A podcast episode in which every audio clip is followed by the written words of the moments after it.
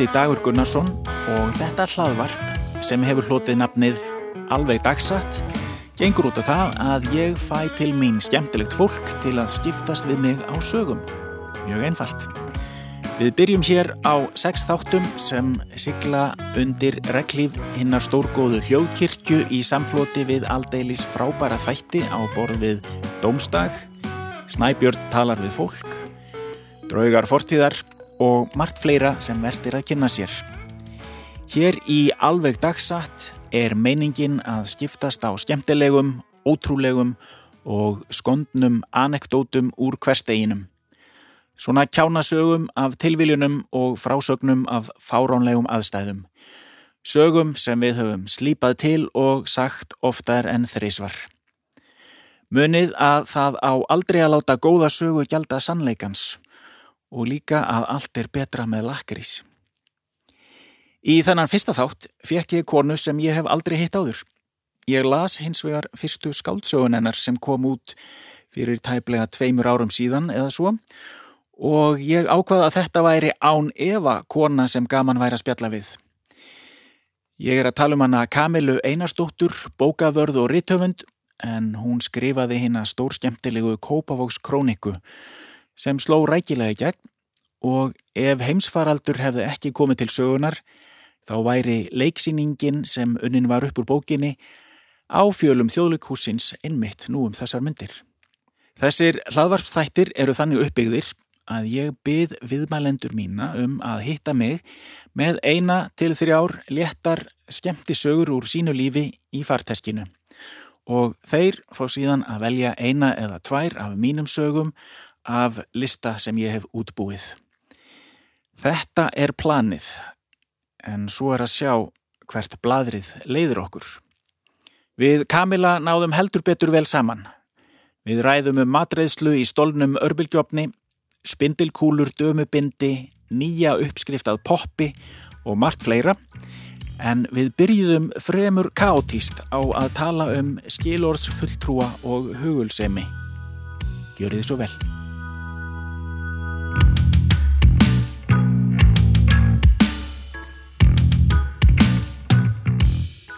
Kamila. Já, Ég, talar eins og skilórsfulltrúi minn. Kamila. ég held ég hef bara aldrei heyrt þetta orðu notað í, í daglegu tali á Íslandi. Skilórsfulltrúi, mjög gott. Skál. Skál. Og takk fyrir hugul sömuna. Já, Vel ekki eitthvað ógeð. það er svo mikil hugul sem er vel ekki eitthvað ógið. sem þér finnst ógið. Þetta er svo skrítið. Það var svona gallbragð. Hver er bara, mmm, nú er ég til magasýrun. Ég veit það. Su- Sumt öl finnst mér ágætt kannski einn einn bjór. Einn Svo fer maður nú. Aðrir eru svona, hérna, er hægt að drekka kassa, sko. En, en það er líka bara allt í lægi. kassa. 24 eða þetta alveg rúti? Ok, ég var bara svona Ég er Ég ekki að dæma, ég ég ekki hef sorry. aldrei drukkið kassa Nei, það er líka best En koma það kvöld er rétt að byrja. Mér, ég, kann vel við þennan stíl Ég trúi. Við getum þetta Já, ekki gefast þér. Heyrði, ég ætla að byrja því að sko, við erum búin að hérna hella okkur hér ein- einhverju miði í, í glös Þú ert búin að kynna þig ég ætla að opna núna lakrísbærin Já, vá, bar. Hefur ekki komið á lakrísbæðar áður Nei. af því að lakrís gerir allt betra Gjör svo vel Vá, ég veit ekki hvað er að byrja. Hmm. Nei, nei, þetta er nú Ég bara að byrja á þessum. Já, Er þetta danst? Ég það. Þetta er íslensk framleiðsla mm. Allt saman alveg dásamlegt Þú ert að smjatta í mikrofónu. Já, það var það sem ég var að hugsa Ég var líka að spá í að poppa Já, Ég er nýbúin að uppgötva e, nýja uppskrift nýja uppskrift á poppi. Jáp, Hvernig er það? það er ótrúlega flókið sko mm -hmm. Maður fer út í búð sem selur svona austurlenskan varning Ok, um, og nær í uh, chili flögur í olíu ó, Aha. byrja vel. byrjar vel svo setur maður poppa ekki upp úr því Jú, nei, maður setur tvær teskeiðar af því út í venjulólíuna og svo bönir og líkilatri að mala salt þú tekur gróft salt og setur í svona kaffi eða, eða hérna kryddkvörn eða svona kaffibönakvörn tekur grófa saltið og mala, setur allt í gang og bara blitzar það. Þá verður það svona fínu, fínu dufti, bara púður. Og setur tvær teskir af því líka út í olíuna og svo maðurspöninnar, poppar þetta og þá er poppið salt þegar það er tilbúið og það er krydda, það er spicy. Og þetta Vá. er geðvögt Þú erum að tala við mannesku sem að örbylgja jólamatinn minn, þannig að þetta er meiri metnar en ég hef lagt í nokkra máltíð. En, segðu mér frá, frá örbylgjöfninum Eh, Ég er, meina, er þetta uh, töfra tæki sem þú notar mikið, örbylgjöfnin já, og sko, nei, sko í alvöru, við getum ekki byrjað að tala með þetta, ég hef ástæður fyrir að skoða á þessu.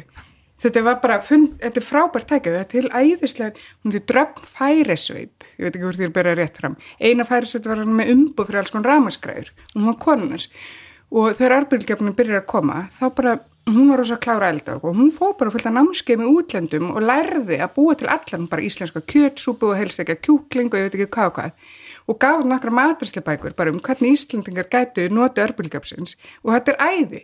Og þú veist svo er eitthvað svona rugglum að þetta séu vondir geislar og þetta er bara, þetta er bara samsæri, þetta er bara til þess að fólk sé, hafa ekki lausum tíma til að plana byltingu. Þá bara eitthvað eru þau sannfærðum að séu rosa sniðt þegar sex tímum við eldavélina fyrir hverja máltíð. Það er viss, þetta, var, þetta er feðraveldi já, já, já, já, bara kúun Já.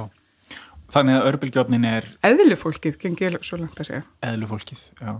geimurur kannski og þannig að þau gá okkur örbylgjöfnin já, þetta er æði, en þú veist, ég elda samt ekkert mikið en ég bara, þú veist hvað til dæmis, hérna, nú á ég örbylgjöfn mm. það er nú einn saga, sko, ég stál honum ha? já, he- hefur það ekki stólið örbylgjöfni? Nei, en eins og ég segi, það er aldrei að vita hvað gerist, er þetta að byrja alltaf. Ha, akkur stælstu ekki örbulgjöfni? Heimi okkur sem þú þekkir. Nei, Þú varst bara út að labba, já, sást ráftækjaverslun, nei. Þú varst í skeifinu, nei, enginn fyrir utan Elko. Nei, hvað en- gerist? góð, góð pæling, góð pæling. Þú ert greinilega rithöndur, þú ert svo fljót að koma upp. Hva, hvað er hérna orðið sem allir hata, sviðsmyndir. Já, mm, og, og þólandi orð. Ég var út að labba en ég var reyndar í, í London. Já, af því að ég átti heima þar. En máli var að ég við hjónin vorum að fara að flytja heim eftir langa tvölu þarna. Og við höfum búið í okkar hverfi í, í 7-8 ár áður við fluttum heim. Og við vorum bara byrjuð að pakka held ég, ekki það skiptir einu máli hvenar þetta gerist, allavega ég er uh, út að lappa og skamt frá húsinu, það sem ég legði íbúð þar er lítill ískápur og onna honum örbylgjöf út á gangstétt og það sem menn gera í London er fyrsta lagi mjög sérstaklega svona þokkala miðsvæðis. Þá eru svo margar leigu íbúðir að því að hérna rýmið er nýtt þannig að það sem að voru áður kannski á Viktoríu tímabilinu uh, ein fjölskylda í stóru húsi, rí, rík fjölskylda og kannski með þjónustu fólk eitthvað da. þá er búið að holfa það niður þannig að mun fleiri einingar er í hverju húsi og það eru bara ekki ruslatunur fyrir allar íbúðirnar. Þannig að fólk setur bara ruslapokana beint út á gangstétt og svo er það reglulega því sópað upp í ruslabíla og það er bara viðtekki venja, þeir eru svo, svo litlir sóðar á sumum sviðum uh, í London allavega.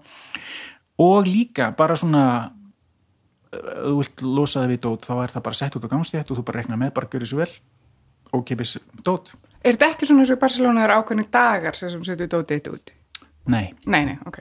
nei, Þú bara sér dót út af Já. stjætt. ég bara sá þetta. Hei, örbylgjöfn ég á ekki örbylgjöfn, kannski virkar hann. Ég fór fór með hann það var engin, það var ekki sko augljóslega, það var engin að flytja. Það var ekki eins og það væri hérna. Ég bara nappaði þessu, ég var algjörlega saklaus og í, í, í, í hvað mig varðaði þá var þetta bara drasl sem átt að henda. Ég fór með hann heim. Einkonu mín horfði á mig bara fyrirgjöð, ert þú bara að taka heimilistæki upp af gangstéttinni? Ég bara, já, come on, þetta er ekki gefin stótt bara, var ekki bara, er ekki nágræni bara að flytja og þá runnu nú á mitt hérna, tverja grímur ég fór að hugsa var, var ég leiti kannski ekki nógu vel í kringum mig ískápur, svona lítill, svona hálfur ískápur ég hljóp út og gangsitt aftur bara aðtöða aðstæður. Þá er ískápurinn horfin á undra skömmum tíma. Þannig að ég fór svolítið skömmulsturur heim og ég sagði kannski var ég að stela þessu örbulgjöfni, ég, ég er ekki alveg viss en það er alveg 50-50 líkur á því heyrðu og þetta er fyrir 20 eitthvað árum síðan og örbulgjöfnin er hérna og virkar hann algjörlega. Wow, en líka þú veist og hann var ekki splungun nýr sko þegar ég, þegar ég nappaði hann ah, sko, ræði ekki í gamla daga. Já, þótt að vel sem dögði í 40 ára já, en færði alltaf svona smá sting bara, og núna er eitthvað alltaf. Alltaf, alltaf þegar hann segir bing, þá heyri ég stólinn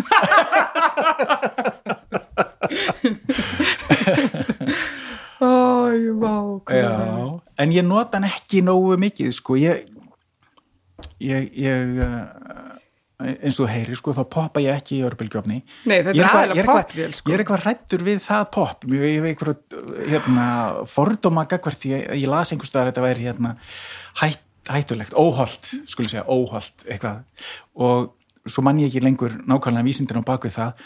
Kannski er þetta hitt óholt en núna poppa ég bara með þryggja tíma uppskrift og hérna og krytti Já, mér finnst það ótrúlega metnaðir sko. En þá farið 1944 þá setur það í örbulguna ég hef aldrei kift svo leið Herri, ok, ítt á stopp, við erum að fara til tíu allir ég, ég hef kift svo leið fyrir að afa minn að menna vera enn á lífi. Ah, en ekki, ég hef ekki borðað svo leiðis ég veit hvað það er samt af því að þetta var auglýst svo mikið Fyrst var þetta auðlist fyrir sjálfstæð Íslendingu þá var svona fólk sem var svo full í rektinni og eitthvað svona, og var svo hrest og busy og eitthvað svona, og þá þurfti að fá svona örbulgumat svo kom í ljós og þá voruð með eitthvað svona alls konar austurlenskt og framandi og eitthvað svona spennu. Svo kom í ljós að voru mitt bara aðalega svona sjötuður piparsveinar eða einn svona ekklar sem mm. kefti þetta. Og þá allt hennu byrja að koma svo bara kálböklar og svona, svona jarðbundnari matur. Jarðbund er kannski ekki rétt orðið en svona já en það, þau voru alveg með einn svona kalkunabringur og svona alveg jólumat en það flækir hans máli er hann vegan þannig en það er fullt þykka bærum alls konar vegan og svona. Er Það, með alvöru? frá þeim? Nei, en ég ringi það er núna. mjög gott Ég sko, ringi núna. Já, hérna hér. En áttu einhverja uppáhalds uppskrift nei, Já, eða örbylgju örbylgju sögu nei ég, þú veist, ég bara kveik ég á jafn eðalt með að kveiki ykkur í honum eins og eldavelinni þannig að er, kemur út á saman mér en Í hverju kveiki maður í örbylgjöfni Og vá, það er hægt að kveiki öllum anskotar En má ekki setja svona. Nei, nei, nei, en það er bara samt fallið Þið verður prófað að setja eitthvað með geisladisk. Það kemur bara svona ljósasjó, bara svona neistar út um allt. Nei, manstu, ég, það er allt í lægi með örbylgjöfnum minn Ég sko, ég hef kveikt í einum erbulgöfni En það var bara eitthvað svona slis Og ég á eldvarna teppi og... Já, hefur nota það? Já, já, já, Já. Sko, síðustu jól að fengu sýstu mínar frá fóreldrum okkar eitthvað svona eh, bú, eitthvað potta og eitthvað skrýtnar tangir sem er að fólk notur í eldur sem ég bara veit ekki til hvers. Og ég fekk eldvarna teppi og mér fallegt En þú veist, ég hef oft verið að pæli bara með bakar og að geima bara eitthvað inn í dagbækurnar sinnar og svona. Hún notar hann ekki sko, svo mikið. ég fór á slís, nei ekki slís, eldvarnarnámskeið í vinnunni og ég veit ekki hvort það var út af það ágjör að geta kveikna í vinnunni eða þegar þetta var svona ummingi sem er samstarfsfélagi minna, þau vildi bara fá okkur svona, ég fengi hjálp. Og það var bara, þú veist, eldavilin það er, þú veist, ok, kerti smá en er aðeins eldavilin sem er að kveiki Það er rétt, það er rétt, glemdir pottar. Já, Já, og þannig að fólk á bara sleppri já uh, með bara leið og COVID búið, þá mun vil ég fara í stríð gegn, Eldavilum já, Já. Bakarofnar hellir. Minn, mín er reyndar að notar gas þannig að mína Vá, það er svona 70 sem meina þetta það ekki? Þú getur sprengt allt hverfið. Eða hvað? Hvernig er það? ég- sko, kúturinn er úti. Mm, það eru reglurnar. Og ég meina, hann klárast þá bara. Ég meina ef ég gleymi þá bara já, já. Þá- þá En bara- er þetta ekki svona að þú getur sopnað öll eða eitthvað svona? jú, jú. Er En minna, þér finnst það virði, þess virði fyrir gott pop. Algjörlega.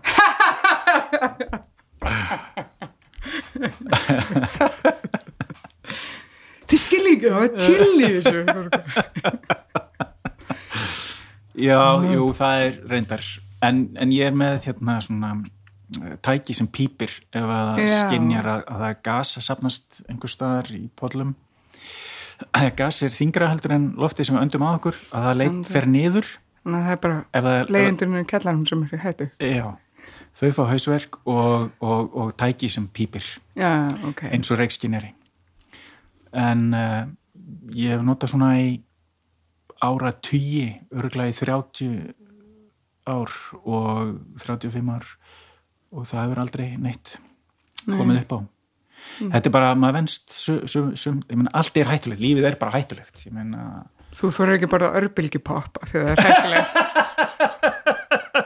já, svo ég eftir að, ég, ég geti Svo sko, þú ert ykkur Bruce Willis bara lífið er hættilegt svo er bara Bruce Willis svo lappa mér út á götu og verður fyrir bíl hérna. Nákvæmlega, það er svona ekki verið að neita þér með örbylgjupopp sem er besta nei, ok, ok. Gjöf ég fyrir bara beint út og kaupi Í netto ok, er það gott þar? Já, ég veit bara, Ég er þú bara- er nú ég er að lent skrifa- ímsu í netto. Spons. Er það? Býtu, hvað, hvað, hvað, hvað Það var eitthvað dömubinda vandræði netto hjá þér. Já, já, já, já. Sem kom, kemur smá það var bara um daginn já, um daginn? Já, Vá, ok, Já. hvað gerist í já, hérst það væri svona unglingasaga. Ný, ný, frekar, já, já, nei, þetta var bara núna um daginn.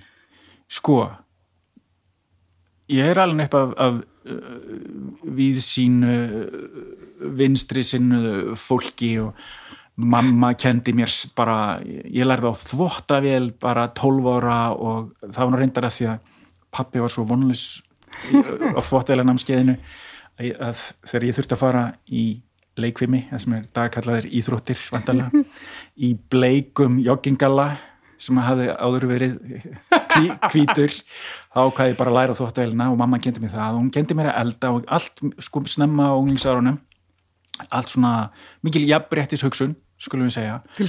Og það var allt, þetta var með sko uh, tíðarblóð og, og, og uh, Áttu systur? nei, Nei, ok. Ég er einbyrni ah. og það var aldrei neitt feimnismál. Þetta, ég var bara, já, þetta er bara svona strákar er svona, stelpur svona allt í lagi og ég, fór oft út í bú og kefti svona uh, dót og bjö túrtappa fyrir mömmu. Ok, og bara, við höfum aldrei þótt þetta neitt vesinn og uh, spáði þetta, ég man þegar ég kom til Englands þá hérna þá var það var, já, það var svona það var kennarinn, það var að halda fyrirlestur og, og fór að tala um þessa skömm sem að uh, svona fylgir. Og þá, þá komst ég að það er tvent sem að, að svona allavega tvent sem, að, sem var öðruvísi í mínum huga og meðan við krakkana sem ég var með í skóla þarna. Það var þetta, ég bara, nú, hvað, er þetta eitthvað er þetta eitthvað femnismál, eða þannig, við þetta, ég menna þetta er svona, þetta er bara eins og maður er ekki alltaf að tala um, hérna, afurðunar sínar, eða veist, þetta, er kannski ok, ég menna, ég er ekki að maður hefur náttúrulega uh, sína skinnsemi, en, en þetta væri eitthvað svona mikið tabú, sko, þannig allavega, svo er ég bara núna eftir um, marga áratugji af, af þessu lífi, þá er ég hérna út, út í búð og konan mín byggðu mig um, um að kaupa hérna eitthvað, eitthvað svona dót. Og ég geri það bara, býtu hvað, tegundur þetta aftur eitthvað, eh, einhver bindi. Og svo er náttúrulega það er svona COVID og, og maður gerir maður með grímu fyrir vitónum og helst vill maður ekki snerta neitt og maður er með hanska og ég er með, geng með gleru og það er leiðilegt með þess að gríma ekki um móða þessi gleru og maður er svolítið svona einhvern veginn eh, ekki alveg svona fimur og, og, og samkvæmur sjálfum sér einhvern veginn. En ég fór í búð þar sem er, er svona færiband og manneskja á kassa sem að blippar hérna vörurnar og ég er með Blippar, það? blipp, og er, það er ekkit mikið sem ég er að kaupa en svona slatt eitthvað og, og, og drengurinn á kassanum hann rúar öllu voðalega hratt og ég er einn og ég er að ræði póka og hérna búin að borga og, og svo er vöðva tröll sko bara maður sem er greinlega frústrerar að þannig hefur ekki komist í ræktar mjög lengi. Hann, ég bara líti upp, hann er bara upp í ljósakrónunni og hann er bara svona og kaupa bara gulrætur og safa og eitthvað. Og ég svona er allur svona svolítið flaustraður eitthvað og frústreraður og, er, er, og vörurnar hans blandast við mínar. Mm. veist, þetta ánáttúrulega ekki að gerast. Og ég er bara að grípa minn kálhaus og, og, og, og passa mínar gullrætur og svo sé ég að eina, það síðasta það eru dömubinda pakkin minn. Að ég held en ég kom með fullan póka og ég bara er þetta minn dömubinda pakki eða hans? Og á ég að vera hérna í gegnum því fyrir ekki, er þetta dömbindi þín og hérna á ég að fara að spyrja mannina því og fá bara einn á lúð hvað heldur að ég núti dömbindi, búf nei, þannig ég bara hugsaði mér aðja, ég lætt hann þá Nei. ég lætt hann þá um það. Ef, ef þetta eru dömbindir hans þá ætti hann bara að segja, ég held að þetta séu dömbindir mín. Þannig að ég tók bara dömbindapakkan og bara tók sensin, kannski er ég þá bara með tvöfaldan skamt. Þetta voru vandræðin sem ég lendi bara núna í síðustu viku En hvað varst þið læra í London? ljósmyndin. Okkur var ljó, kennari ljósmyndun að tala um Já, þetta var sko listaháskóli og ja, þarna voru við bara að tala um uh, fræðin á bakvið uh, ljósmyndun sko, það er alls konar fræðibækur skrifaður um, um þetta og við þurfum, þurftum að skrifa bíaritgerð um ljósmyndun og, og uh, eða á því sviði. og þetta var bara partur af kultúrnum og menningunni og uh, hún, var, hún var til dæmis að tala um hvernig hvernig er uh, eld, eldri borgarar hvernig er þeir myndaðir hvað, hvað, hvað dettur ykkur í hug þegar ég sjáu þetta? Og þá sínd hún mynd af gömlu manni og ég sagði eitthvað svona rétt upp og sagði eitthvað, já bara hérna eitthvað, eitthvað svona viska og reynsla og, Matlock. og eitthvað svona og, og hún sagði bara, já þú ert náttúrulega ekki hérna alveg upp hér í þessu samfélagi. Það er um, auðvitað uh, við hinn hugsum hérna einstaklingur sem er fyrir í þjóðfélaginu. Eitthvað svona sagði hún, var bara er það virkilega? Eh, sko, það er svolítið langt síðan, ég er að reyna að revja þennan eina tíma sem ég fór í.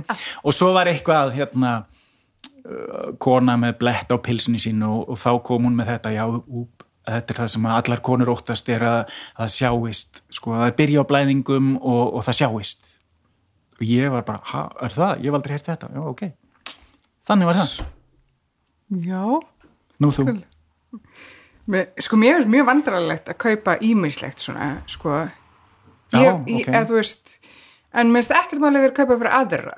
Þú veist, en mér finnst einhvern veginn, þú veist, bara ekki kannski dömubindi Þetta er og fyrir, þetta vinkunum mína. Já, þú veist, ef ég er að kaupa smokka og svona, þá er, er ég alveg bara, ok, nú er þau að sjá fyrir sér hvað ég er fyrir að gera kvöld. En ja. ef ég er að kaupa þetta fyrir aðra er maður alveg sama. Og um daginn, þá fekk mér húðflúr og svo vantaði mig, spurði ykkur vinn minn sem er allir tatuðurir, hvað er maður hægt að setja. Og hann segja kókosolja var bara mjög fín. Og ég bara, já, ok, fyrir tíalegu og er að kaupa hana. Og þegar ég er í röðinu sendar hann með skilabóð og, og hann segja, já þetta er líka gott hérna sleipefni. Og ég var ekki að fara að kaupa þetta í þeim tilgangi en þá fór ég bara að hugsa og þá var svo hrættum að maðurinn á kassan og hjaldi að ég var eitthvað að fara að nefa eitthvað þannig ég var bara að þannig í tíu allu og ég var að fá, ég var að fá með tattoo. Þannig já.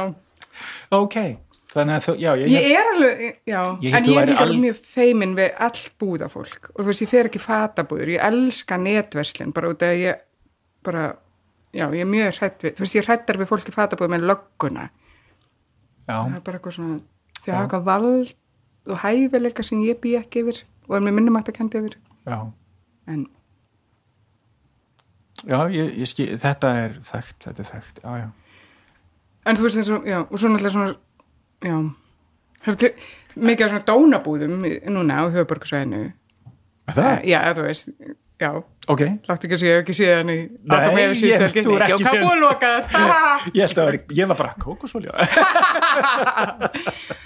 En það eru orðin svo sætar núna, til dæmis ein í Hamraborg í Kópúi sem ég elska. já, ég hef ekki komið þangað, sko hún, hún er yndislega, hann er blöss það sem að, þú veist, það er allt svo fallegt, það er bara svona um, spar sem getur bara smakka sleipefni og svona, þú veist. Og það er ekki eins og, þú veist, það er ekki eitthvað svona konur að skrýða fjóru fótum út um allt. Þetta er bara allt eitthvað svona, eins og er í sumum svona búðum. Konur að skríða á fjórum fótum? Já, Lifa, lifandi konur? Já, þú veist, ég meina hefur séð nærfættaauðlýsingar, það er rosalega ofta á fjórum fótum. Það er ofta eitthvað svona ok, Ok. ekki svona grei eitthvað, þú veist, þú bara eitthvað what, af hverju ætti að köpa nærfitt sem er eitthvað gott að skrýði þú veist, jú, ég þarf sem að leita fjárstyrningunni, en þú veist, 90% stak- 98% dagsins er ég bara lappandum, þú veist, venjulega.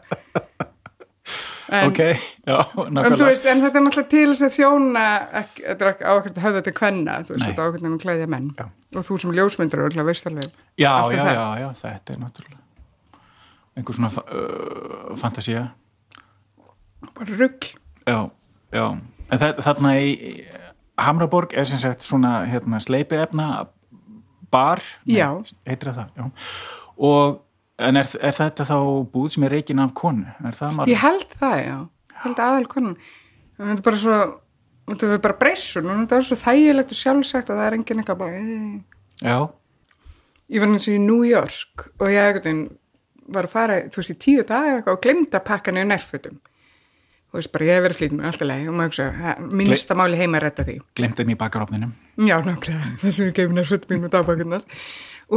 Og svo lappa ég bara inn í eitthvað svona búð, bara eitthvað, þú veist, það var eitthvað svona kassi, bara eitthvað svona rest nærbuksur, þú veist, sem kosti ekki neitt og gæst keft bara tíu og ekki neitt, eitthvað. Mjög ljótar, eitthvað svona blóma, risa, ömmu nærbuksur, ekkert mál, ég var bara, mér alveg saman, ég var bara að hanga með vinkun minni, ég gæti alveg verið þessu og svo okkur öðru. Og tíni bara saman eitthvað svona tíu, þú veist, því það var pakkin og fer svo að kassanum. Og þá er bara ógæðslega sætur strákur afgreða og hann er að spjalla með allan tímanum, mér brýtir þær saman. Ó. og þetta var ræðilegst og ég var bara getur bara, nennir bara að skopla sér póka, þú veist, leif mér að fara. Og var þetta bara, ég er að köpa fyrir frengum hún er gömur en Já, ég, ég, ég sá einhvern uppistandara í sjónvarpinu. Og, og hérna ég tók eftir því að kona mín hor- leit á mig bara og nikka bara, jaha. Þannig að þetta, þetta átti við mig sem sagt. hann var að segja það að karl, karlmenn þeir nota nærbuksur þanga til þær eru orðnar að engur þær, þær eru bara, þeim er slitið út. Alveg sko og, og ég er þannig sko, ég, ég átti einhvern tíman nærbuksur bara frá 1986 og hérna og eins og þessi uppistandari sagði, ég sagði sko, þá til að þú getur bara farið með þær út af gluggan og þær bara, pff, bara hverfa. Og, mér finnst þetta bara, já. Það er mjög umhverfisvæn Til og dæmis. gott að passi í nærböksur sem er 30 ára gamla sko þegar ég var lítill, ég manna að amma var nota bara gamla nærbóli í tuskur og svona og við, þetta, maður vissi það, þetta var vel þegi og svona, ég, ég man nú ekki beinlis eftir nærbuksonum sko, en svona bólir og svona, það, það er ekki lengur þannig, Nei. núna er allt í mikrofíber tuskum og svona. Ú, hvernig allir sé verið í mikrofíber nærbuksum örgulega sveitt eða ekki? Ég veit það ekki, eða hrjúft eða óþægilegt, ég, við slum ekki fara lengur nei, ég stiða að þú prófir það og sendir mér bara skilabóð í, í næsta þætti. Uh, já, já, já. Er, far, ég kemst ekki já, ok, ok, þú vilt fara í listan minn en já, ert þú ekki með lista? við erum að tala Nei, um nei. lista yfir sögur. Nei, nei, sko ég held ég sé vilt að ég segi sög. sögu og svo kemur þú með eitthvað sem kviknar þá að þessu? Kannski. En hvað, mér langar svo að heyra um þennan hurðalösa Volvo ú, já. Ó, er það ekki ástarsorg? Eitthvað, stendur það ekki? Já, hurðalösu Volvo. Já, brosti hjarta. Brosti hjarta og hurðalösu Volvo. Ég Já. elska svo leysi Já, þetta er dramatísk saga sko. Ég var unglingur. Eins og gerist. Eins og gerist. Já, ég ætli ekki að vera orðin. Þetta, ég vil trúlast verið bara tvítur, sko, tvítur, já. Maður- Jú, jú, ég, ég var mjög, hérna, mjög góður aldur fyrir ástasorg samt Já, þetta er alveg ástasorgar málið. Uh, Kærastan sagði mér upp. Uh, við hittum... Um, nei, Nei. alveg frábær. Hún er Ah. ah. indæl, sko. En, en er við, vorum bara... Alg, algjörlega sko já en ok hérna, já ég sé tárun byrja já, e, e, til að setja, setja þetta sko, þetta var um hávetur ok, alveg miðjanvetur, það var sko, það voru, það voru svona skablar á gangstéttunum það voru hjólfur í, í göttunum hérna í þingholtunum sko, því að í litlu þröngu göttunum sem er ekki sko hægt að riðja belins með, með, með hérna tækjum. Eh, að þá, þá voru djúb hjólfur í göttunum sem ég bjói, miðstræti hérna hjá MR og uh, um, Þannig þú er alltaf búið hér. nei, ekki, ekki, já, í hverfinu? Já, nei, en, uh, Ok. en, en frá því ég var svona 14 ára já, ok. já. Og, og síðan náttúrulega fór ég þegar ég fór að heiman þá náttúrulega fór ég svona aðeins ég til dæmis bjó ég í hlýðunum og svo náttúrulega hinn með þessum útlöndum aðeins en í Reykjavík uh, þá hef ég leitað í þetta hverfi, já En ok, það voru djúphjólfur. djúpjólfur í miðstræti Strax hefur sorglegt. Ég man að Bubbi Mortens átti heim í næsta húsi og þetta var á dóp árunum hans. Og við getum ímynda okkur að hann sé skakklappast þarna um í hálkunni með gítarinn öxlinni í leðri. Og pappi átti átti Volvo. Um, og um, kærastan hérna pantaði mig á fund niður á Resso og sagði mér þar að uh, þetta sko nokkra ára samband væri búið.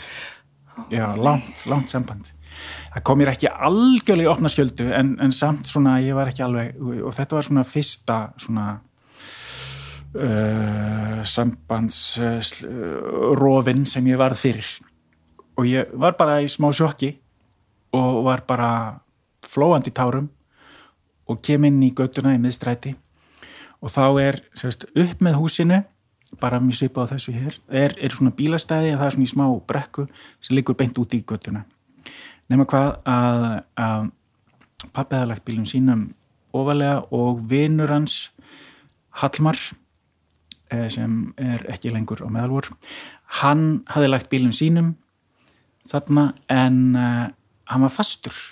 Það var svo mikil hálka að hann, hann komst ekki út og pappi var að hjálpa honum að íta bílum út úr bílastæðinu og það gekk ekki heldur. Pappi var ekki nógu sterkur að íta öllum bílnum. Þannig að Hallmar var komin út úr bílnum sínum og þeir voru báður að íta bíl.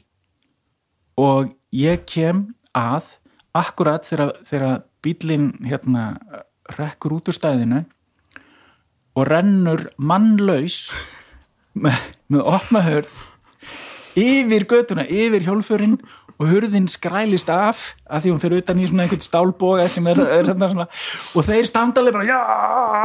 Og, og ég bara var svo í mínum ein heimi að þeir standa með hendunur upp í loftur að reyta hárstuskjegg og ég bara horfa á þetta bara og, og, og lappa og fer inn og upp í herbergi og skella eftir mér og græt í kottan minn.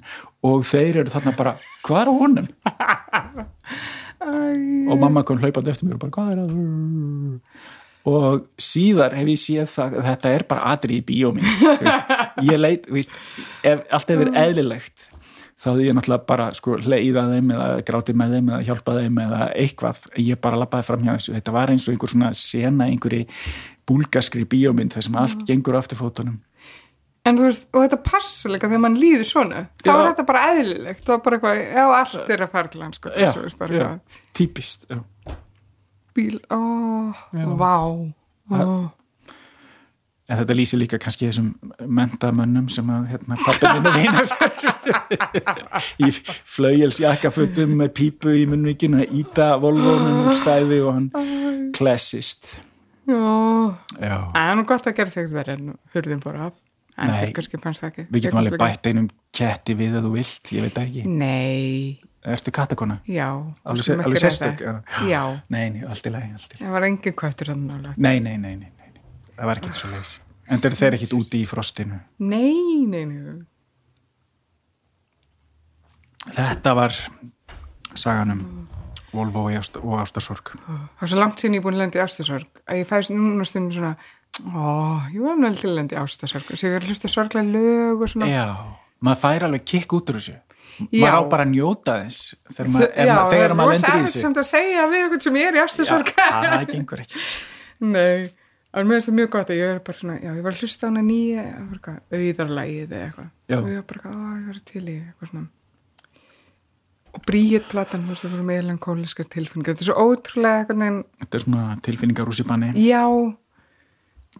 Og maður getur að vera svo rosalega skapandi og snuður eitthvað já, en já, já og fer djúpar pælingar og, og líka bara gaman að vorkjana sjálfum sér og, æðislegt. En þú veist, eitthvað að vera sátt við lífið og bara, og finnast pop æðið, þú veist, það er ekkert sniðugt sem kemur upp úr því, sko, það var bara eitthvað poptónlist? Enn, já. Ég man ég hlustaði á hérna hvað, alls konar lög einhver, tíman annað tækifæri. Það var hérna, já ó, uh, hvað heitir hann? Uh, ég klippi þess að eyðu bara út. Svo kemur alltaf alltaf svo, já, já, nákvæmlega. Já, á, æ, hérna uh, tónlistamæðurinn, Tónlist- hérna, sem gerir plötuna. hann kemur hingað og veiðir stundum og, og það er reynda að saga með hann. Eric Clapton. já, Vó, bingo ég hlusta á Erik Clapton hérna órafmögnuðu plötunas ég man ekki hvað hann heitir Tears in Heaven líklegast, það er allavega eitt lagi það er rosalega svona Ó, það er svo já, En það er náttúrulega ekki um ástasörg. nei, nei en ég, ég, ég tengi það við það því ég var í ástasörgir fór að hlusta voða mikið á þetta. Úf, sko, já. En svo Nick Cave platan um svona með sinn, já, hvað er það, Ghostin. já, Úf, sko, ég, ég þurfti að hlusta hann, ég var beðan að koma eitthvað svona þáttar ás tvö sem að láta hann fá okkur heimaverkefni.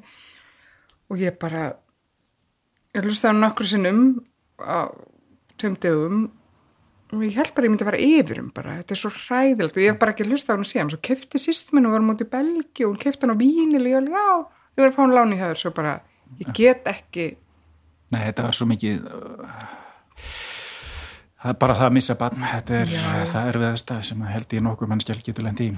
Og ég held að hann hefur sagt að viðtalum líka þú veist, þetta áalveg að hafa þetta meira þú veist, stundum, og sumt er eitthvað neginn náttúrulega hefur svona fleiri getur tengt við eins og bara þú veist, að vera að býða eftir eitthvað komi sem að veist að er ekki að fara að koma og allt þetta. En ó, já, ertu Nick Cave aðdáðandi, já.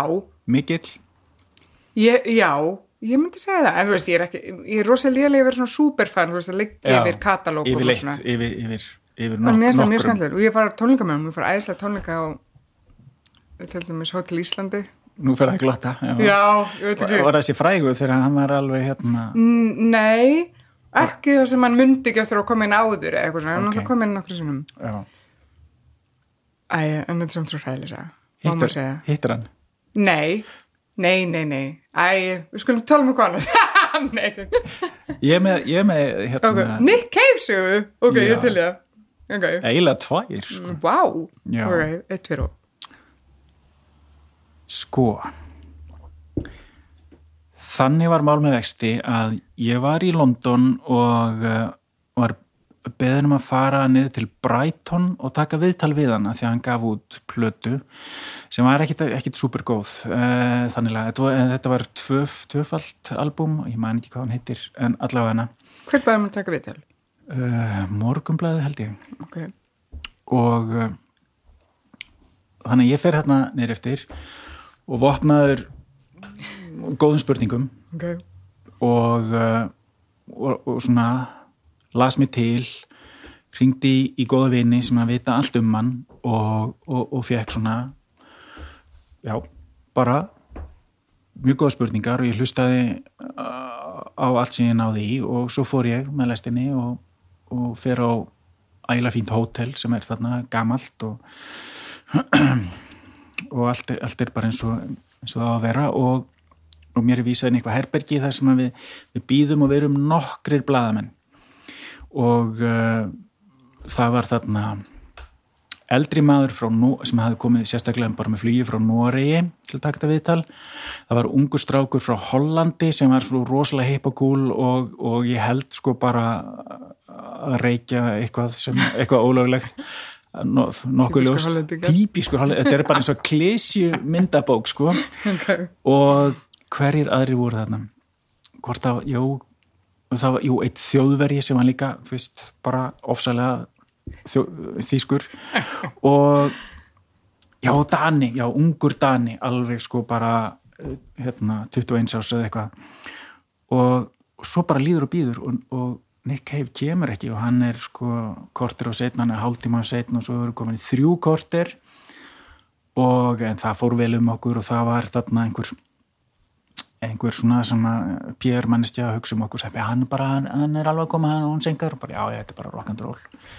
Og, og, og, og já, þjóðverinn við setjum, setjum við svona kringlótt borð, svolítið stort og þjóðverinn svona þegar okkur sagt, heyrðu hann alveg að koma að fá ykkur sæti og, hérna stilla ykkur upp. Og þjóðverðin sest svona, já tekur öskubakkan uh, þetta þurfum við ekki. This we will not be needing og setur öskubakkan til hliðar og allir að liti, ég bara, neða, hann veit ekki hvað hann er að gera. Og fyrsta sem Nick Cave leiti kring, hvað, er ekki fucking ashtray hérna? Bara, hann byrja hann reykti mikið þá allavega. Og um, þetta hefur verið svona 2003 eitthvað sluðis og uh, síðan gerist það að uh, þjóðvergin hann er bara með langan lista af spurningum og hann er, fer bara í gegnum þetta mjög nákvæmlega og hann byrjar á fyrstu spurningunum og hann segir In song number one you mention the word snow twice would you say would you say it is a very cold song ég gleymi sér spurningu oh. aldrei það er bara svo fáraleg spurning og þýsk eitthvað oh. og og hérna herra Cave horfið bara á hann og bara what? og hann endur tók spurninguna og hann greiftist alveg í minni mér. Og hann bara ég, fuck, ég veit það ekki segði Nick eins og, eins og ég get kallað það núna að þeir verið svo góðir vinnir og þá kom in song number two. Og við varum það eru 40 lög á þessum tveimur blötum svona ekki og þá var bara, víst, Nick bara leit undan og hérna var bara of, of asnalegt og, og hérna er einhver aðrið með spurningar?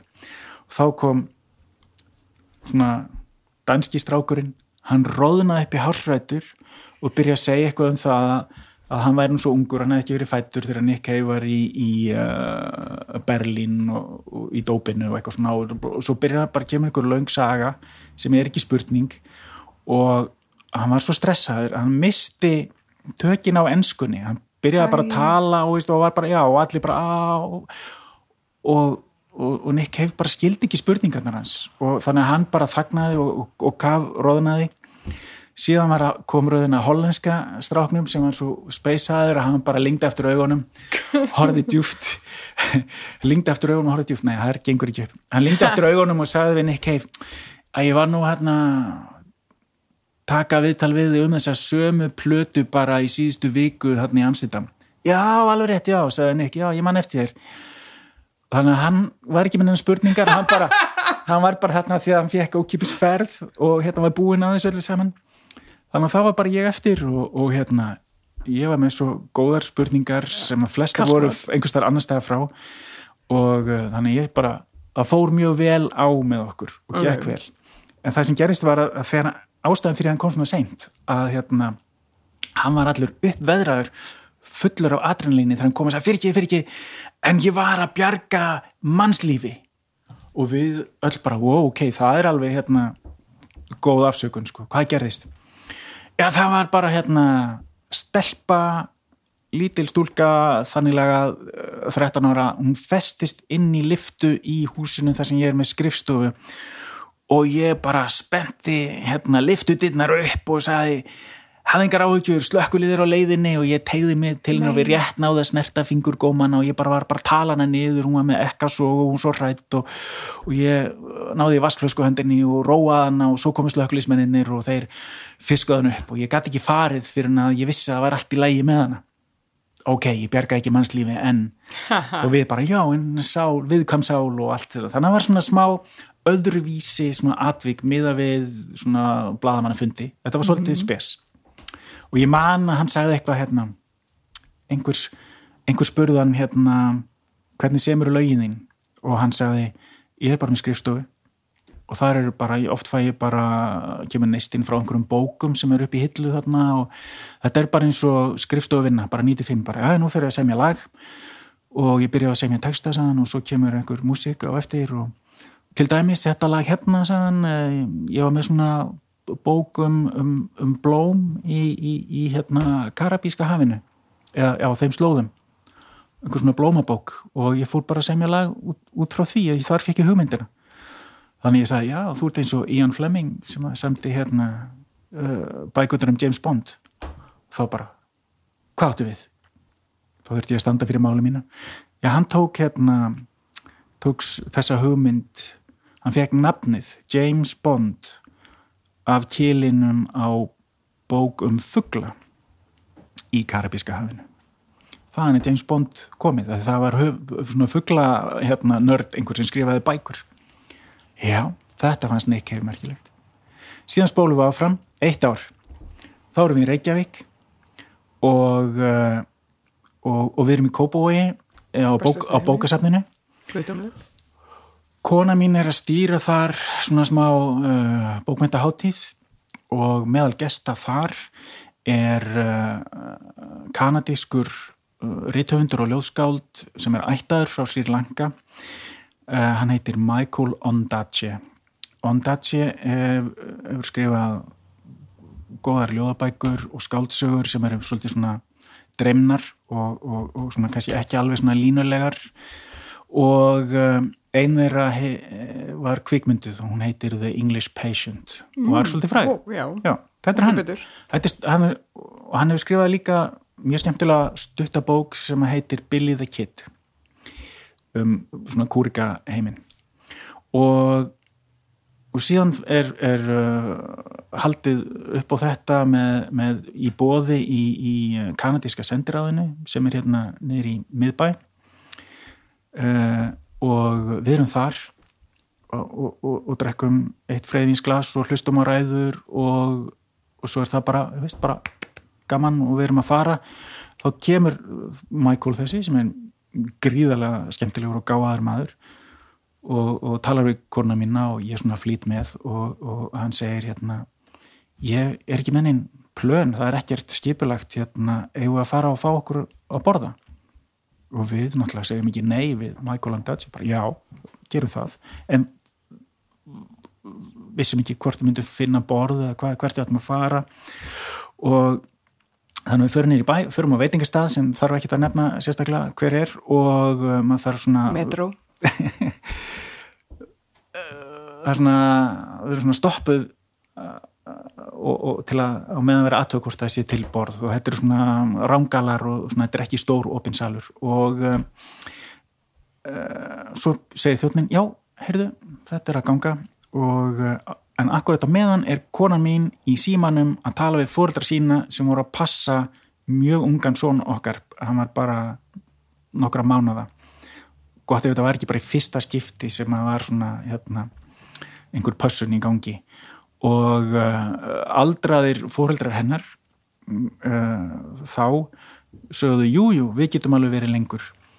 En, uh, en tengdapappi þurfti að fá leiðbeiningur um það hvernig væri kveikt á sjónvarpinu og það er ótrúlega flókið að við vorum með gamalt sjónvarp frá Breitlandi og það voru þrjár fjárstyringar og hann e, eldri borgari þannig að konum ég var í símanni bara já, nei, papi, nei það er bleikitakkin og stóru fjárstyringur sem að og þetta er að gerast á meðan að þjóttnin segir já, gjör sér vel komið inn. Og ég, og ég sérst með þau eftir dræ ég verð þá fremstyruflokki kona mín er upptekinn í símanum í, í hérna fjarskipta leðbenningum og Michael Ondaatje, sá fræði maður, er á eftir mér.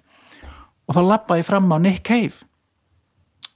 Hann er þá þarna gestur og hann situr svona bara tegir úr sér og það sem gerist er að konan hans fer með uh, tvö börn, greinlega bara eitthvað að fara með þó klósettið eitthvað og þau eru búin að borða og það er allt, allt einhvern veginn afgreitt, þau eru bara að fara eitthvað að ganga frá einhverjum málum og hann setur bara svona horfur út í loftið og, og augum mín falla á hann og hann uh, sér mig. Og ég, hann er svona, svona liftir hann er augubrúninni.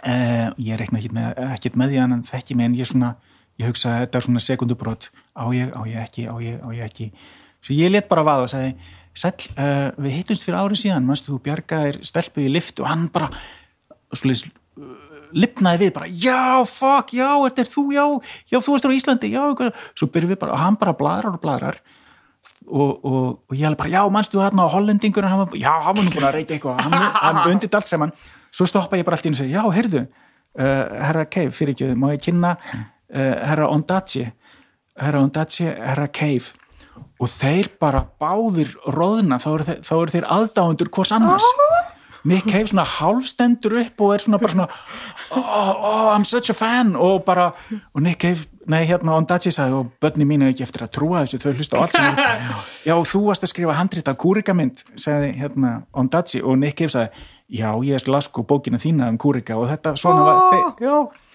svo er það bara búið og kona mín sem er miklu meiri aðdáðandi Nick Cave heldur en ég hún horfði þetta bara, ég pappi, rauðitökin og, og hún var ekkert kynnt fyrir Nick Cave og svo, Oh. svo fórum við að settast og ég sagði við Ondaatsi, ah, já, börnin, já á við hamdu að taka mynd?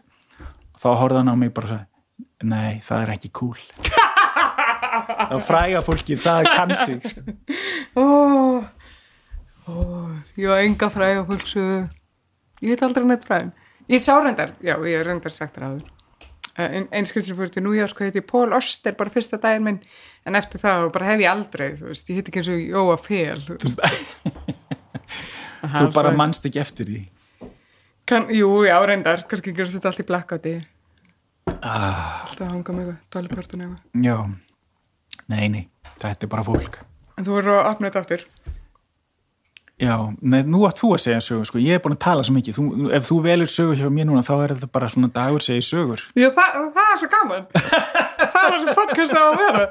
Reyndar, reyndar það má alveg vera hérna öðru kóru ég, ég, ég skrifa bara bækur. Þú, nú ætlum við að fá þínu sögur. En hvað kom ok, rosa mikið ónundu bílum í, Já. í, í sögu, hvað segum, já, saknum það er sko að- sögur eru, eru drama og drama Mm. gerist þér eitthvað fyrir úrskeiðis. Já, og það er þannig að ég hef ég, ég held ég hef einu sinni selt bíl. Já. Annars bara deyja þér í höndunum á mér. Ha, en það er umhverfisvænt, ég fýla það. Já, en það, það þýðir sko voða mikið að viðgerðum og, og hérna, ég er ekki, ekki hérna, mjög fróður um, um, um, um inn, inn, innri starfsemi bílvéla knast á en sp spindilkúla yfirliggjandi heitu, jú, spindilkúlur ég hef þurft að hérna, skipt, skipt mér hefur verið sagt að skipta svo oft um spindilkúlur ég er alveg komið nóg af þeim sko Já, ég veit alveg hver hún er ok, Já. hvað er hún? Spindilkúlan Já. hún er yfirleitt í framhjólinu já, ég, ég var eins og að vinna í eh, og nú ætla ég að tala varlega. Ok. Með Davíð Ötsinni nei, eh, ég var að vinna í fiski út á landi. Og slúm segja Ok. bara sjáarplássi mm við strax komum eitt í það út á landi sem byrja á D, nei ok. Allir, allir, allir sem eru að hlusta geta bara hérna, valið sér sitt sjáarpláss, það skiptir ekki máli. Og ég hefði aldrei unni í fiski áður og allt var nýtt og ég bjó á fyrir mér þannig og ég bjó á hérna verbúð með vini mínum. Og við vorum hérna um sumarið.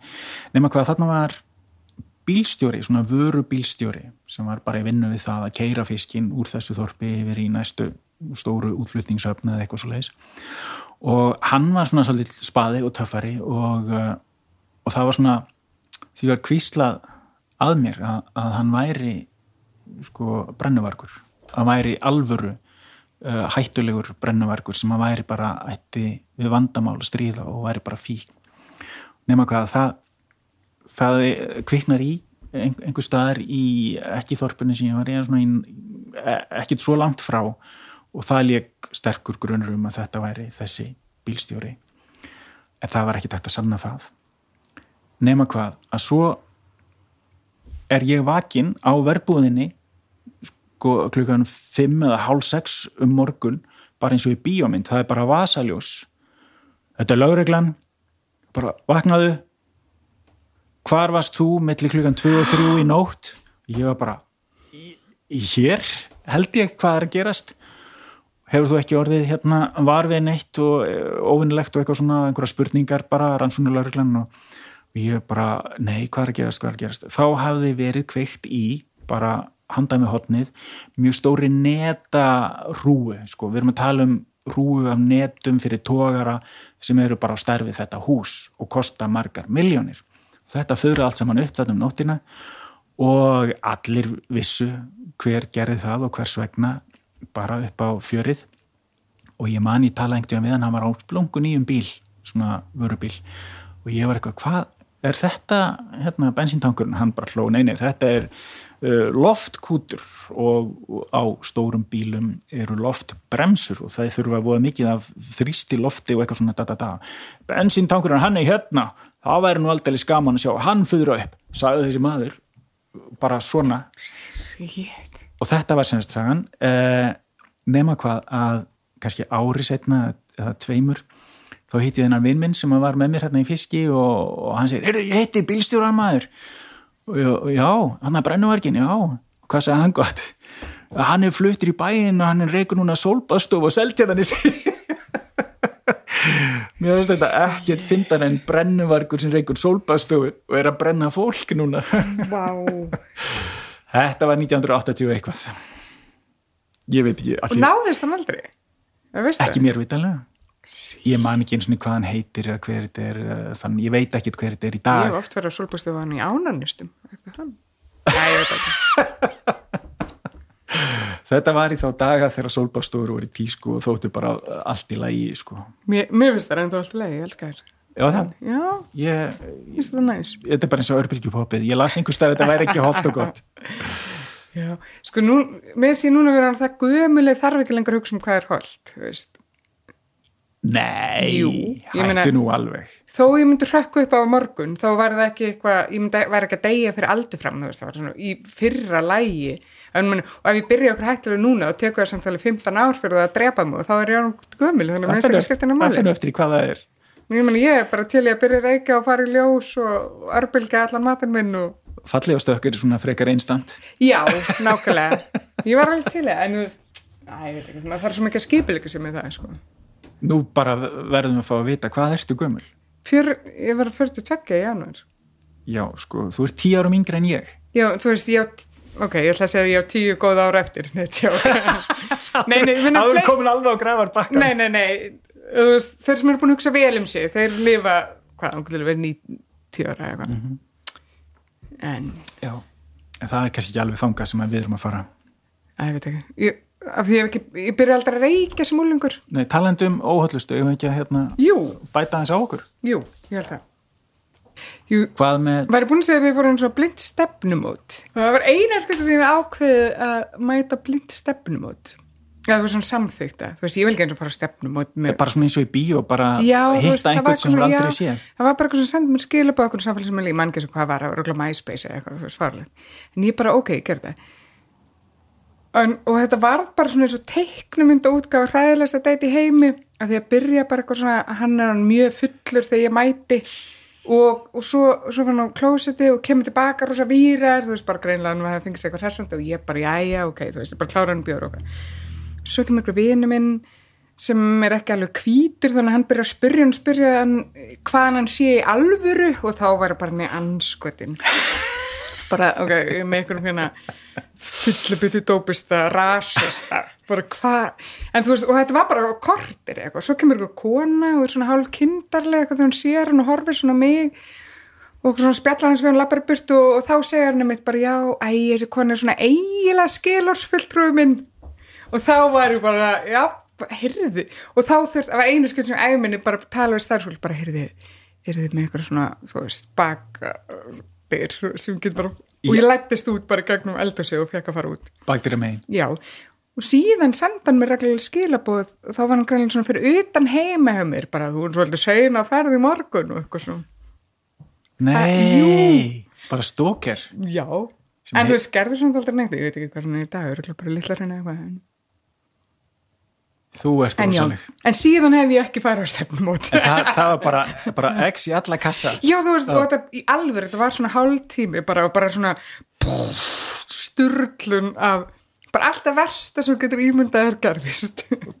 Hva, var einhver sem mælti með þessu manni hvernig þú þínar fjörur nei, þú veist, þetta var bara eitthvað svona, en ég hugsa bara að ég reyka eitthvað svo lítil, þú veist, það er allir skæð, ég veit ekki, ég bara eitthvað nefnir lífið svo vendið heimi, þú veist, flestir eru næs, ég Já. hitti eiginlega bara næs og fólk, Já. þannig ég held að þannig væri bara Já. en svo er maður alltaf eitthvað, já, svo alltaf eitthvað svona ógeð, sem Já, er held ég ekki er. gott fyrir podcast að tala um. nei ég er eitthvað svo gamall, ég held ég hef bara aldrei farið á svona hefðbundi stefnum Nei, það er eitthvað svo asnald, þetta er bara svona amerískt. fæstir sem gera það, já. Já, þetta er svona laumast inn núna ég veit ekki, mér ég svona skil heyrist þetta ekki, sko, já. það. nei, Ég á vini, alltaf, og kannski er þetta breytast og kannski er þetta gott, þú veist, sem að, þú veist, ég vinkunum sem vita bara, þeir eru að leita að manni, þú veist, til að bara Já. giftast og eignast börn með og eitthvað svona og er bara ég- með eitthvað lista af kröfum og það er bara að taka þetta með trombi á einu mingur, hún tók bara, þú veist, hún var með svona fjóra, fimm bara einni viku bara í hádeginu og þessi var í kaffinu og, og svo var svona fækka í hópnum og svona. Bara eins og starfsviðtal. Sko, já, algjörlega, þetta var svona áhernapröfa fyrir sambandi eitthvað svona og rosalega sem ég lengti en þá líka endur við á að tala við hennar bara, heyrðu, hérna, með trúnað og svona, vegna þess að þá hitt hún okkur, hún bauð okkur bara nokkrum yfir til, í hérna frey, eitthvað, léttvína eitthvað. Og svo tengd hún síma sem við reysa sjónvarskjá og svo hún sín okkur svona hérna tindir samtölinn, húsinn sem við byggjum og búin að finna út úr og, og allt, allt um þeirra hægi og hvernig brandaræður sáðu og svona. Og við sátum hann fyrst bara algjörlega bara orðurlausar en svo er mitt fórfið bara ég held að þetta sé ekki rétt gagvar þeim þú veist Þið voru bara eins og domnefndi að þeir voru, þetta var svona eins og skemmtiðatrið. Og hún var líka svona að plana næstu skrif, þetta var líka smá svona, svona handbóltaleiksfundur, þú veist svona bara já, hvað var réttu skref í þessar stöðu og eitthvað svona. Um hver leikfléttan að vera. Já, þetta væri eitthvað svolítið, sko. Og, og ég var, ég var alveg rosalega svona hrifin af því að taka þetta svona út reiknað og svona, að að, og þú veist, þetta er gott að fólk viti hvað er að leita, en, en ég hugsa bara ef ef ég var að reyna við þá myndi ég ekki vilja við komið til að vera einhvern veginn skella því upp á skjá með vinu sínum. En hún er mjög hemgsum í dag með manni sem stóðst allar allar vendingar já, bara, veit ekki kann ekki neitt handbalt að fitta hann upp úr skónum eitthvað. Já. En það er svo gott eins og í Hamraborg sko eins og Katalínu er þetta besta sem mér finnst það, þú veist, það er ekki mikið um veiðrinslur, þú veist, þetta er ekki svona kaldabars, kaffibars, gretta í loftinu, það bæði, þú veist helmingrunan er bara fyrir spilakassinni, kallanum svo svona stór hliti er bara að horfa okkur fókbaltaleg og hinn er bara alkoholistar eða eitthvað, þú veist, auðvitað mig. Ekki, já, ég sem sé Þú sem er komin á grafa bakkan og er, er alveg sama hvert þetta fyrr Nei, veist, það er svo gott sko, þú veist, eins og ég fyrir rosa ofta bara að skrifa og þú veist, og þetta er rosa góð stæð bara til að hýta vini sína og svona. Þetta er eitthvað afslappara andrumslátt en er ofta svona miðbæjar börum, finnst mér sko. Já, já. Og mér, þú veist, mér er þetta óslátt gott að fara rauða ljónið og svona, ég verður aldrei að fara þangað að skrifa en á það eru kleftir. Það er, ég mæl mér svo stöðum. Ég, ég hef aldrei komið á rauða ljónið. Það er núna, þau taka alveg 30 þau getur skiptið þrjú sóttvarnahólf en ég fór á um daginn ég var eitthvað að býða eftir, ég var að býða eftir barsfið mínu við þessum hvað hittast að tala saman hvað og ég bara, heyrði, við hittast bara hérna rauðljóninu, þú veist, bara klón þrjú á miðugdegi eitthvað. Og, og hérna, svo sé ég eitthvað hugulega mann, þú veist, svona ungan þú veist, eða svona aftanfrá, vistist mjög hugulegur svo snýði mér svona betra aðan og sé hann handlarsbrótum að báðum að tak, beða, láta taka út fyrir fylgta peningi spilakassina og ég hugsa bara, já, ok, þetta er kannski ekki nýju stjúpaði banna mína. En það er fullkomið hár aftan frá. Þegar ég var hérna á verbúðinni í, fiskvinnslunni í litlu plássi þá einhvert, einhverja helgina þá rávar inn inn, inn á verbúðina þess að var svona léttparti í gangi. Og þarna voru tíu stúlkur frá Ástralíu og Suður Afriku og, og fleiri stöðum sem bara voru sóttar til að koma og vinna í fiski á Íslandi okay. eins og gerðist og gerist kannski ennþá, ég veit það ekki og hvar landinu var þetta? Ég vil helst ekki segja okay. það sko okay. þetta er bara hérna, gott hjá þér að reyna að veiða og hérna svo skal ég þér segja rávarinn einhver sem var ekki sérst ekki eins og hann bjóð ekki eins og nýð þessu þorpi en hann var greinlega mjög uh, löngum fyllir í stúr og hann er einmitt Er það ungur eða? Eða? Það er svona, já, kannski svona 27 ára, eitthvað slegis Okay. En hann var sko, hann var búið að slá úr honum flestar tennur Mhm. hann var með uh, hendin í gifsi en það eiginlega virkaði ekki lengur af því að hann hafði ráðað út, út í sjó í fjörunni, flæðarmálinn þarna fyrir neðan þannig að gifsi var allt blöytt og ekki lengur, þú veist það var bara voru mjúkt. Og hann kemur hann inn og er svo ofur alveg að hann getur eiginlega ekki tjáð sig og hérna útlensku stelpunar bara horfa bara á þetta hérna sæskrimsli sem hann kemur hann inn. Og svo læt, kom, kom einhver hljóð, hann, sé, hann sér þarna fullt af sætum stelpum og hann segir bara og ein Ok, þú ert að lýsa allir minn pick-up línum. og eina af þessum áströlsku hún segir ah that must be the mating call of the Icelandic male Ó, þetta virkar samt alveg oft. er það? Já. að vera bara uh. Þú veist, ert á kaffibarnum við lokun núna, það er hægt að ná því bara klá nýju. Þá bara stendur ykkur hurðinu og ég kem hlaupandi. þú duður Já, já. wow. já þetta, þetta er svo svo langt síðan ég hef orðið vitnað þessum heimi Já, en menn núna þegar COVID, nei, þú er náttúrulega, þú, ert að hugsa um sóttverðnir og svona, mætir ekkert á barinn og svona.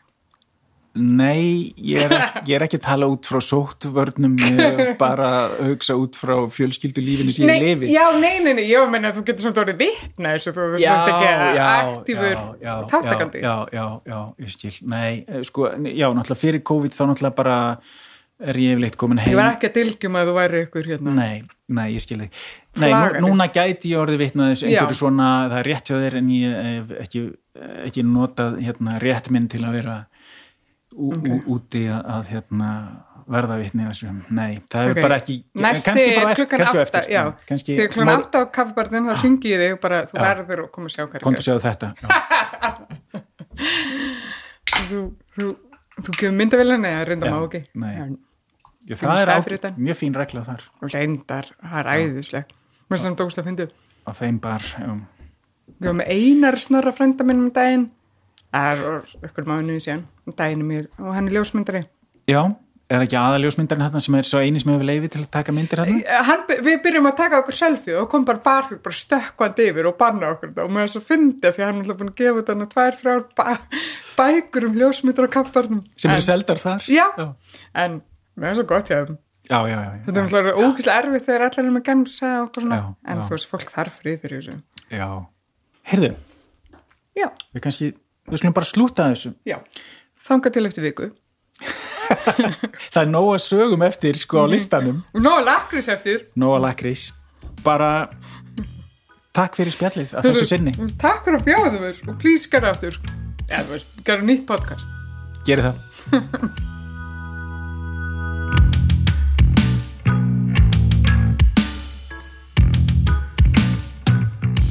Þetta var hún Kamila, lífsglöð og skemmtilega opinská.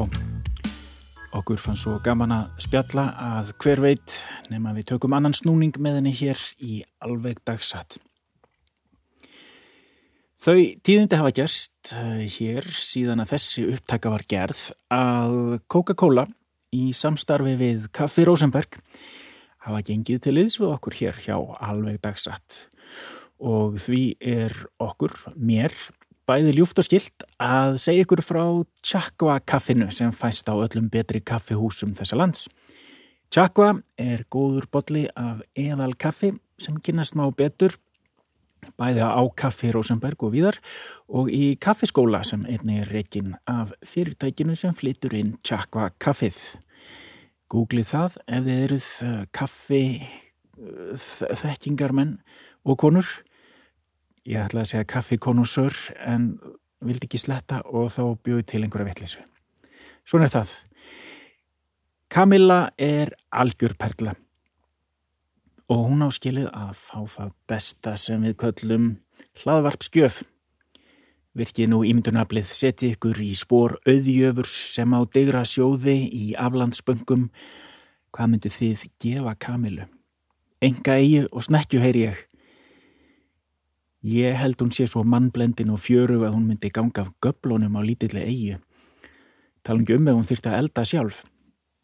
Ég ætla að gefa henni trendi í bar, sko, sletti aftur, trendi í bar þar sem hún getur bóðið öllum upp á góðarsögur, skrítna hanastélstrykki, örbulgjuppopp og fjör fram á nótt. Ú,